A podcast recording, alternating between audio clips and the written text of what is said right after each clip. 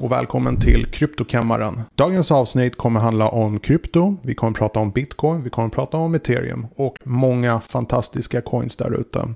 Eh, om du är ny här så är första tipset att Kryptokammaren finns både som podcast och som YouTube-kanal. Jag har videor, jag har podcast och nu nyligen finns jag även ute på Twitter där jag delar med mig lite tips och nyheter. Så det kan vara en bra idé att följa mig där. Innan vi sätter igång så vill jag tipsa er om tre saker. Ett, ta någonting att dricka nu. Ta någonting att äta. Vi kommer behöva mycket energi för att gå igenom alla kryptonyheter, saker och ting som ni kommer ha nytta av. Efter att ha sagt detta så är det väldigt viktigt att påpeka att jag är ingen finansiell rådgivare, vilket innebär att om du köper krypto och du inte är påläst, då kommer du tyvärr förlora pengar. Så finansiell rådgivning innebär att lata människor kan i princip ge sina pengar till en främling som lovar dem guld och gröna skogar och sen förhoppningsvis får människor kanske 5% vinst per år. Detta garanterar inte jag. Jag kan säga att du kan tjäna bra mycket mer än 5% i vinst eh, på kryptomarknaden. Jag kan säga att för mig det går bara upp och upp och upp och upp hela året i princip sedan eh, förra året. Det är fantastiska tider just nu. Vi har någonting just nu som kallas för bull market eh, till skillnad från bear market då allting går ner. Och det finns eh, viktiga saker att känna till när det gäller björnmarknader och tjurmarknader. Eh, jag måste bara ge en till varning och det är att det har börjat dyka upp lite scammers på min YouTube-kanal. De finns i kommentarerna. De har samma namn som jag, det vill säga det står kryptokammaren och så försöker de bjuda in dig till WhatsApp och eh, kontakta dem på Instagram och så vidare och de är där för att lura dig på dina pengar. Det här är tyvärr ett väldigt, väldigt stort problem eh, på YouTube där det finns jättemycket kryptoscammers just nu. Och varför det är så mycket scammers, det är för att många människor kan så lite om krypto. De vet inte vem de ska lita på. Och det är därför jag inte tjänar någonting på kryptokammaren. Jag har inga affiliate-länkar. Jag är inte sponsrad av några kryptoföretag. Jag säljer ingenting. Kom alltid ihåg det. Jag säljer ingenting och jag är definitivt ingen kryptomäklare. Jag ger gratis tips och idéer och jag delar med mig mina personliga åsikter. Och mitt bästa tips när det gäller krypto det är att du behöver ingen mäklare för att köpa krypto. Var smart. Krypto ger dig möjligheten att ta makten tillbaka. Jag vet att krypto kan verka väldigt väldigt invecklat och låta väldigt komplicerat och det är väldigt, väldigt komplicerat. Inget snack om saken. Många människor kommer att förlora pengar på kryptomarknaden och det är för att de är lata. Inte för att kryptomarknaden är osäker eller för att det är en bubbla utan för att människor generellt sett är inte programmerade till att lära sig tjäna pengar. Utan de ger gärna pengar till en bank, till en fondmäklare och de förväntar sig gains på att göra i princip ingenting. Och det finns inga genvägar när det gäller investeringar. Det bara gör inte det. Du kan placera dina pengar i kryptovalutor men du får pricka in rätt kryptovalutor kryptovalutor, då måste du vara lite insatt. Du måste lyssna på andra människor, du måste ta råd, du måste läsa på lite grann. Gör din hemläxa helt enkelt. Och därför kommer väldigt många människor förlora sina pengar. För när allting går upp, då köper folk galet mycket. Men när saker går ner, då hoppas de att det kommer vända och de vet inte om varför det går ner, vilket innebär att de kommer förlora allting. När bitcoin gick upp på sin peak i slutet av 2017 så var det väldigt många människor som började köpa, köpa, köpa när det började gå ner i början av 2018, då kallades bitcoin för en scam. Men grejen är, hade de haft kvar sin, sina bitcoins som gick ner så pass mycket så hade de tripplat sina pengar idag. Så det var ingen scam. Definitivt ingen scam. Så ja, det stämmer. Folk kommer att förlora pengar när det gäller krypto. Inget snack om saken. Men jag säger det här att jag är helt utom tvivel när jag säger det här att om du bygger en bra portfölj och du dessutom håller den portföljen väldigt länge, då kommer otroliga saker hända dig. Men det gäller att inte sälja allting för tidigt. Kom nu ihåg bitcoin. Bitcoin kostade några ören, sen gick det upp till några kronor, till 10 kronor. Sen när den var uppe i 10 000 kronor, då sa folk att market cap är så löjligt stor just nu att det är omöjligt, omöjligt att bitcoin kommer bli större än 10 000 kronor. Vi vet mycket mer idag när det ligger närmare en halv miljon. Så otroliga saker kommer att hända hända. Jag vet om saker. Jag har läst på väldigt mycket om krypto och jag säger er att vi är i begynnelsen av någonting stort. Om, nu äger, om du äger krypto just nu så kommer fantastiska saker hända dig framöver. Kryptovalutor handlar inte bara om pengar, en slags digital valuta, utan det handlar om tekniken i sig. Som till exempel Teta som kommer förändra videostreamingvärlden. Vi kan ta något annat exempel, Travala, som kommer kommer göra att resebranschen kommer bygga precis allting de har på nätet på blockkedjeteknik. Bokningssystem, bonusar, poäng. Allting kommer byggas på kryptoteknologi. Stora saker kommer hända i precis varje bransch på grund av kryptoteknologi. Så kom ihåg, sälj inte för tidigt. Sälj lite åt gången för det är alltid bra att plocka ut lite vinster här och där. Men sälj inte allt när du är, för att du är väldigt, väldigt tidig fortfarande. Okej, okay, med den introduktionen så ska vi nu prata lite grann om lite coins och så vidare. Väldigt många människor tror att det är altcoins säsong. Jag ska vara helt ärlig och säga att jag själv trodde att det var altcoins säsong. Men det är det inte. Det är tydligen bitcoins säsong. Och vad det här baseras på är att man har tittat på tidigare cyklar där altcoins har pumpat efter att bitcoin har börjat gå ner. När bitcoin börjar gå ner så börjar folk sälja av sina krypton och sen lägger de in det i altcoins. Första altcoin de lägger in sina pengar är ethereum och vissa stablecoins. Jag är inte så jätteförtjust i stablecoins, jag ska göra en video om det framöver, men ethereum är definitivt där bägaren kommer rinna över in till, om det där låter logiskt. Jag har väldigt, väldigt blandade känslor när det gäller ethereum. Jag äger en hel del ethereum, men jag känner bara att ethereum eh, gör så, har så mycket brister, har så mycket brister att eh, det är en sån här kryptovaluta som jag innerst inne hoppas kommer misslyckas. Det är väldigt dyra avgifter och den är inte speciellt snabb heller. Det är ju trots allt en av de första coinsen och de kommer ju släppa ethereum 2.0. Jag bara undrar om det inte kommer vara för sent när den väl kommer. Men ethereum är gigantiskt stort. Jag menar riktigt, riktigt stort. Ethereum är som landmassan där alla andra kryptovalutor står som uppstaplade byggnader. Ethereum är ett monster, vare sig det gäller DeFi-projekt eller NFT-branschen. Ethereum är grunden för allt det här. Det finns inga tvivel om att ethereum kommer finnas kvar i framtiden, men jag tror att andra krypton kommer ta delar av den marknaden från ethereum. Ethereum förväntas gå väldigt högt nu i sommar. Vissa säger att den kommer hamna på cirka 25 till 30 000. Men sen mot slutet av altcoin-säsongen då kommer den nå, håll i er, 200 000. Jag tycker det är en löjligt hög prognos, men jag skulle inte alls bli förvånad om detta verkligen inträffar. Så det skadar definitivt inte att ha lite ethereum i era portföljer. Okej, okay, då ska vi prata lite grann om coins som kommer slå högt i april. Och här är det väldigt många som väntar ivrigt på den här biten av videon eller episoden. Jag gör inte sådana korttidspredictions, mest för att kryptomarknaden är fruktansvärt rörlig. Jag jag hade planerat att säga att Teta och T-Fuel kommer att gå upp väldigt högt nu i april på grund av att Mainnet 3.0 uppdateringen skulle komma nu i april. Den har dock blivit fördröjd till sommaren, vilket kan ses både som en bra sak och en dålig sak. Den dåliga saken är såklart att den inte går upp så som man hade kanske hoppats och det finns galna prognoser när det gäller Teta. Teta förväntas gå upp till 2000 dollar nästa år. Är det här troligt? Är det här rationellt? Vi får se.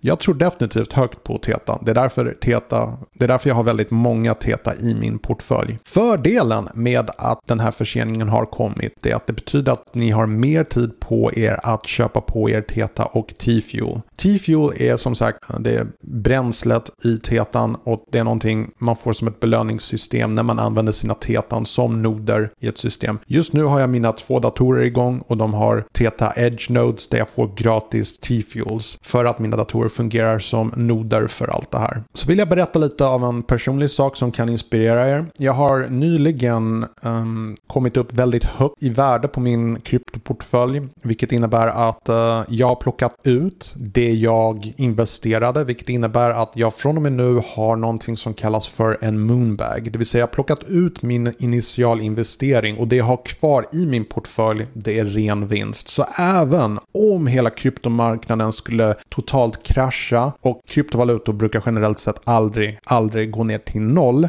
Men om vi säger att det skulle droppa typ 90-95% eller någonting, då är det fortfarande ren vinst jag har i min portfölj. Så det tycker jag är någonting folk kan försöka ge sig på, att när ni har tillräckligt med gains i era kryptoportföljer, återigen, plocka inte ut för mycket, plocka ut lite åt gången, plocka ut er initialinvestering. På det sättet så behöver ni inte tänka på att ni kan förlora pengar. Just nu så är jag untouchable så att säga. Jag kan inte förlora pengar på krypto. Jag har plockat ut mina initialinvesteringar och jag köper lite krypto här och där men det gör jag mer för min, mitt kryptosamlarprojekt där jag samlar på mig lite små coins. Förstå mig inte fel. Jag tror att det finns väldigt, väldigt många bra projekt där ute och jag läser på ivrigt om olika nya projekt. Eh, jag skulle kunna radda upp en hel lista av kryptocoins som jag är intresserad av just nu och jag köper på lite åt gången men de jag tror mest på det är de som är mest etablerade som har mest potential som jag ser som någonting som kommer i princip styra hela världen om ungefär 5 till 10 år. Kanske tidigare. Men min poäng är att även om det finns många fantastiska projekt som till exempel Travalla som jag har nämnt tidigare, resebranschen och så vidare. Det är, ett fantastisk, det är en fantastisk idé och det kommer hända och Travalla är först när det gäller just resebranschen. Men för mig personligen, jag är inte så mycket för resebranschen så jag investerar hellre mina pengar i coins i branscher som jag är intresserad av, till exempel video streaming. Så därför är jag väldigt intresserad av TETA till exempel. Så det sägs att det finns en inflation på gång. Eller det måste det göra. Med pandemin och alltihopa så är det väldigt troligt att inflation sker. Eller? Jag vet inte. Jag har mina tvivel. Jag har diskuterat det här väldigt mycket med mina kryptokollegor om man säger så.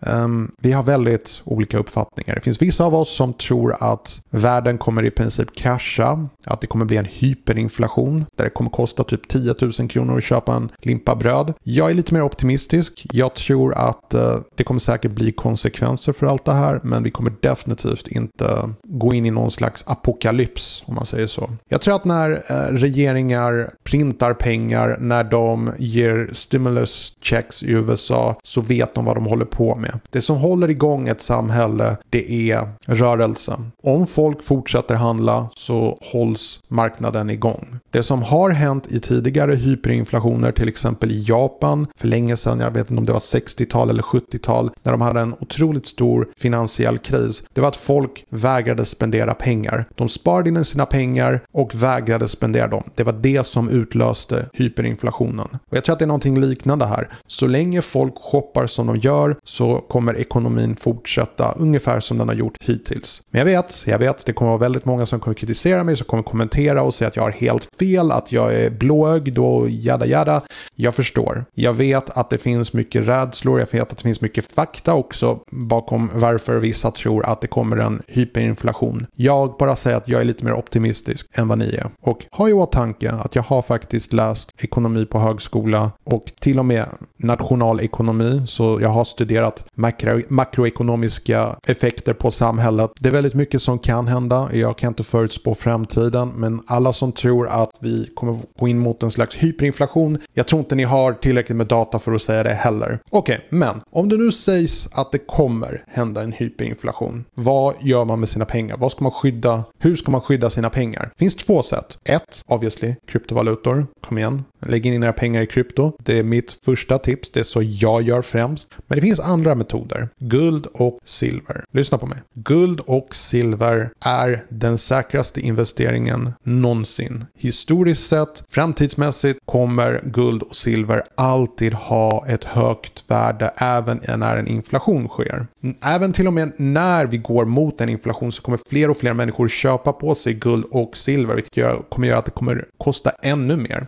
Jag brukar till exempel köpa guld och silver på ett, eh, genom en tjänst, en hemsida som heter Tavex. Och sist jag försökte köpa mer silver fanns det inget silver kvar att köpa. Fundera på det. Det fanns inga silvertackor eller silvermynt att köpa. Efterfrågan är just nu större än utbudet. Det finns många som tror att silver kommer gå upp riktigt, riktigt högt i framtiden. Jag vet inte. Jag tror det, men vi får se. Så är det bara. Jag tror i alla fall definitivt att om du vill skydda dina pengar guld och silver. Men jättegärna lite kryptovalutor. Okej? Okay? Okej, okay, bra.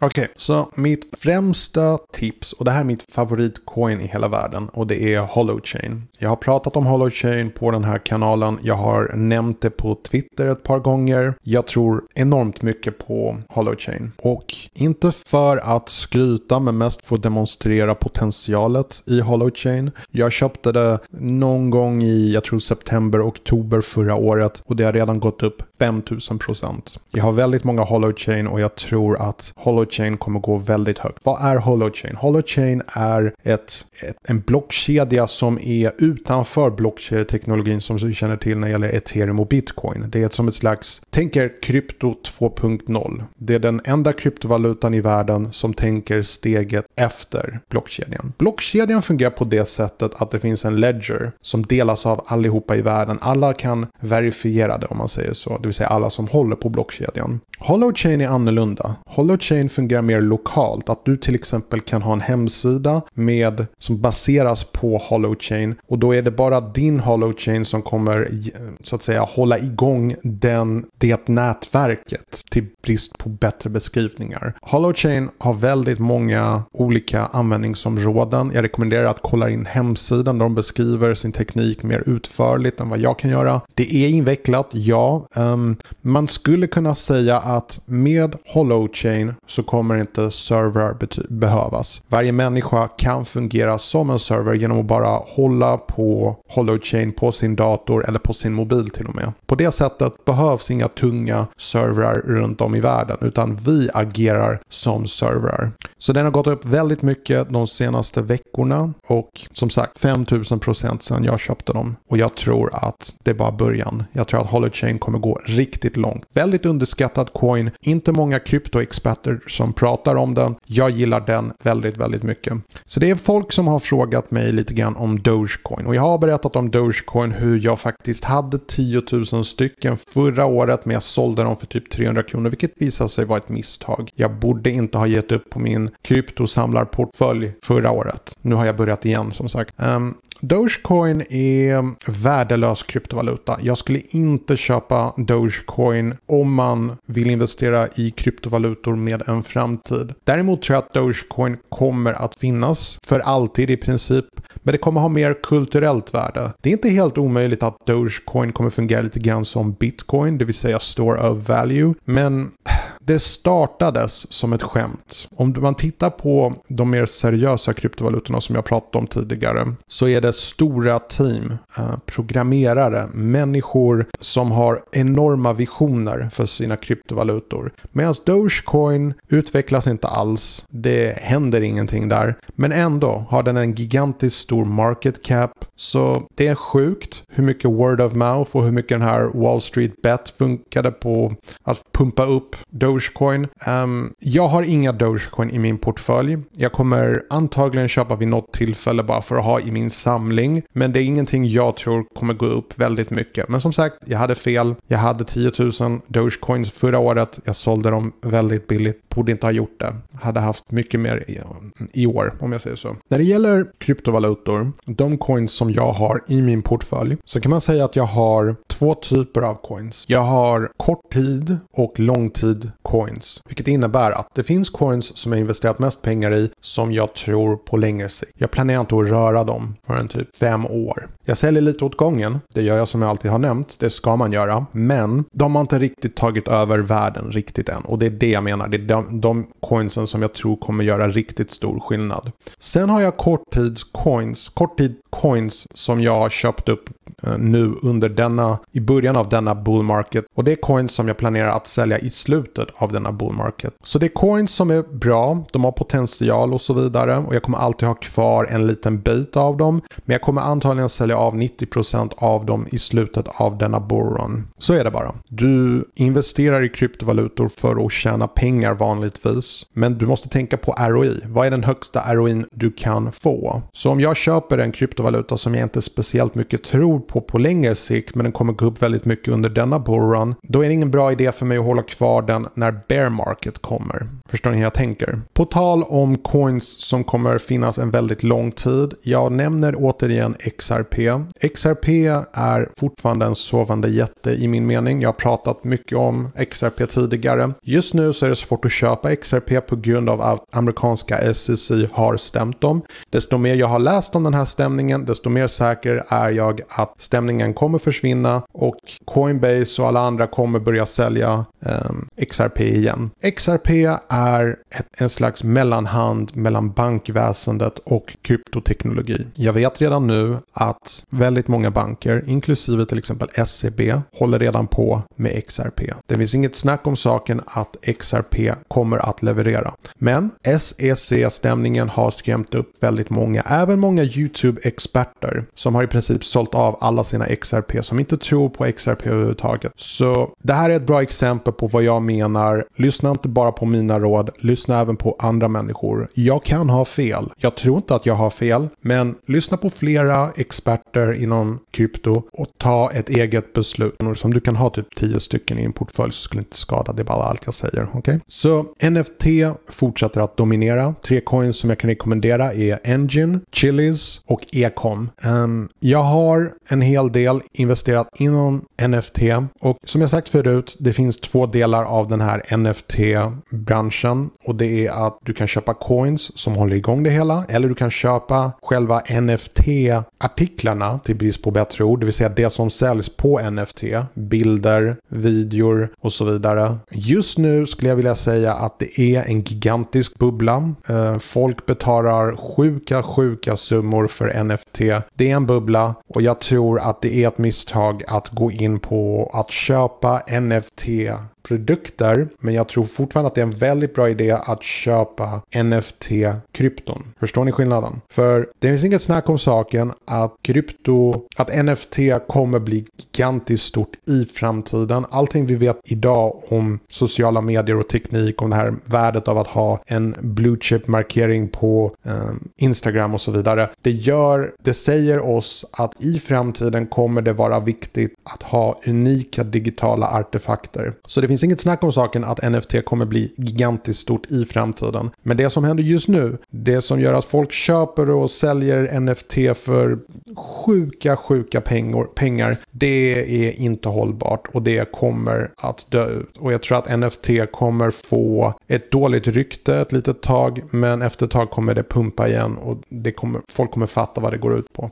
Det är lite grann som med internetbubblan som inträffade för vad, var nästan 20 år sedan nu, där alla trodde på teknik tekniken, alla trodde på internet, men alla pumpade in så mycket pengar i precis allt möjligt att det fanns sådana här dotcom-företag som var värderade till flera miljarder och sen sjönk allting för att de kunde inte leverera. Så var försiktiga med NFT, det är allt jag säger. Jag vill också nämna en liten coin här som inte är en NFT och det är Digibyte. Digibyte ligger just nu på cirka 80 öre. Um, stora grejer kommer hända med Digibyte framöver. Om vi pratar nu om sådana här aprilprognoser skulle jag inte säga att den kommer röra sig speciellt mycket i april men definitivt mot sommaren och definitivt under denna bullrun. Eh, den förväntas nu ungefär 10 kronor. Vad är då Digibyte? Digibyte är en form av blockkedja med en säkrare verifiering än de flesta blockkedjor. Den har upp till fem stycken verifieringar till skillnad från bitcoin som har bara en verifiering. Det är väldigt, väldigt enkelt förklarat. Jag vill bara förklara för er att Digibyte är en säkrare form av verifiering.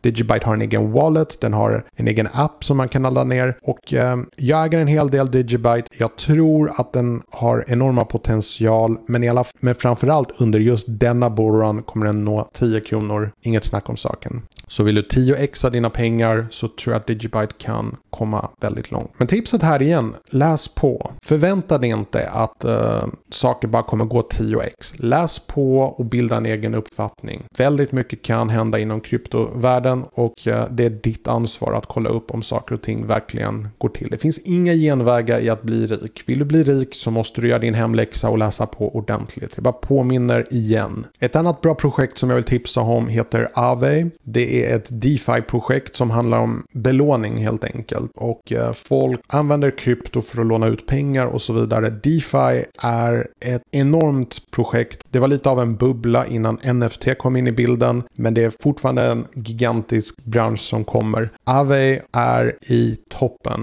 om vi säger om när det gäller DeFi-projekt. Så kolla in Aave. Den verkar väldigt dyr just nu. Jag tror att den ligger på runt, uh, ska vi säga, runt 3 och 5. Men uh, det här är bara början. Det finns de som tror att Aave kommer gå upp till 70 000 kronor i år. Så ta en titt på Aave. Jag vill prata lite grann också om Bitcoin. Bitcoin känns som att det är det som de flesta människor känner till. Så vi behöver ju prata lite grann om Bitcoin såklart. Som ni vet, jag äger ingen Bitcoin whatsoever. Min fru har några Bitcoins. Nej, förlåt. Det där lät fel. Hon har inte flera Bitcoins. Hon äger några Satoshis. Det betyder inte att hon har flera hela Bitcoins. Okej, okay? min fru är inte så rik. Um, men hon äger lite Bitcoin. Jag äger ingenting. Jag har ägt Bitcoin. Men efter att ha hållit på med krypto ett bra tag nu så har jag insett att Bitcoin fyller sin funktion som store of value, men där tar det slut. Det finns ingen mer utveckling inom Bitcoin. Du kommer inte hitta nya användningsområden för Bitcoin. Den är för långsam och för osäker och den drar för mycket energi och resurser. Så jag tror inte speciellt mycket på Bitcoin.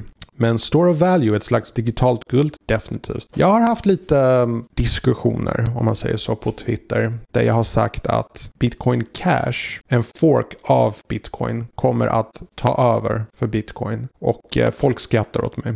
Så okej, okay. jag försvarar Bitcoin Cash för jag vet att den kommer leverera enormt mycket framöver. Eh, jag tänker inte ens nämna hur högt jag tror Bitcoin Cash kommer gå upp riktigt.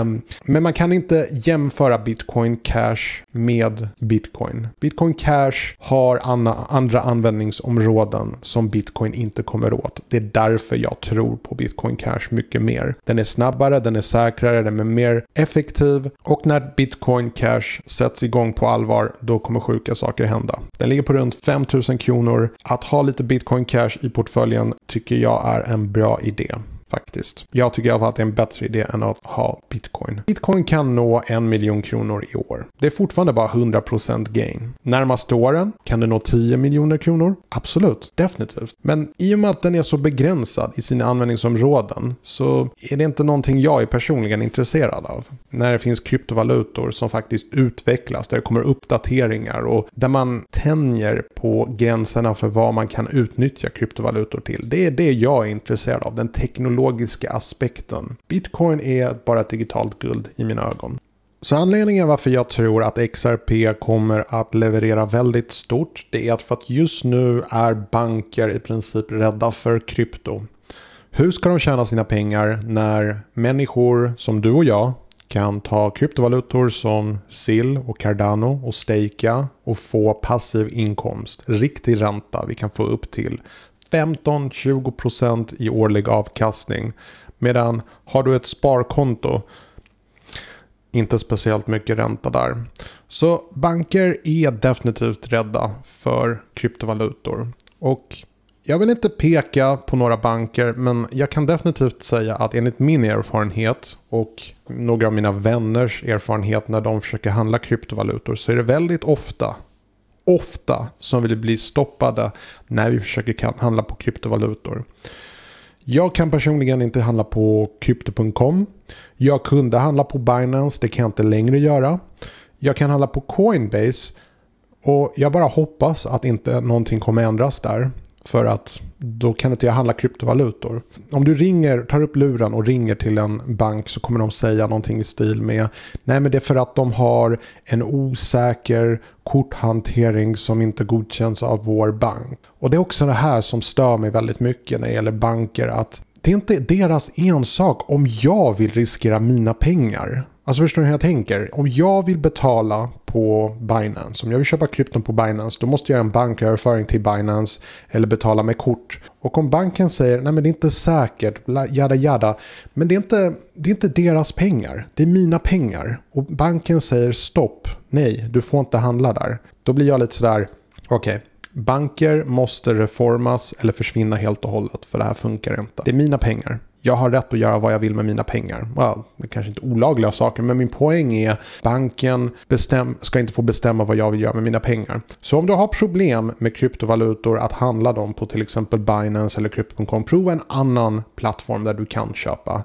Det är som ett rent lotteri. Jag kan inte ens se ett mönster, vilken bank som är bäst och så vidare. Jag, har, jag, kom, jag kan till exempel handla på Coinbase med min bank men en kompis till mig kan inte handla på Coinbase och vi har samma bank. Så någonting är jättekonstigt där. Och som sagt, jag kunde handla på Binance, det kan jag inte längre. Vad är det som pågår? Så anledningen är för jag tror väldigt starkt på XRP. Det är för att XRP är bryggan från bankväsendet till kryptovärlden. Och när XRP aktiveras, då kommer det gå väldigt fort, väldigt stort. Så missa inte möjligheterna med XRP. Ha lite XRP i portföljen. Det är mitt tips och råd.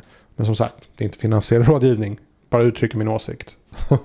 om ni minns så pratade jag förut om um, ethereum och hur jag inte gillar avgifter. Um, inte när de är så pass höga som de är för ethereum. Sen finns det också många sådana här swap coins som Uniswap till exempel. Där det inte är bara dyrt att swappa men man kan till och med förlora sina avgifter. Det har hänt mig flera gånger att jag har förlorat um, mina avgifter när jag har försökt att föra över någonting, när jag har försökt att swappa någonting. Så man förlorar mycket pengar på det. I min mening, där har vi coins som behöver en hjälte. En hjälte som faktiskt har låga avgifter. Så jag tänker faktiskt på två stycken. Den ena heter OneInch och den andra heter PancakeSwap. Kolla in PancakeSwap. Den säljs på Binance och den är, den är, den kanske verkar lite dyr för en kryptovaluta. Men jag tror med tanke på dess låga avgifter, just skaparnas förmåga att leverera vad kunden vill ha. Det tror jag kommer betyda väldigt mycket på längre sikt. Så jag tror att Pancake kommer definitivt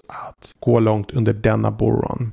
En intressant utveckling som jag har sett nyligen på till exempel Twitter det är att det finns kändisar som Lindsay Lohan som plötsligt, out of the blue, börjar prata om olika kryptovalutor.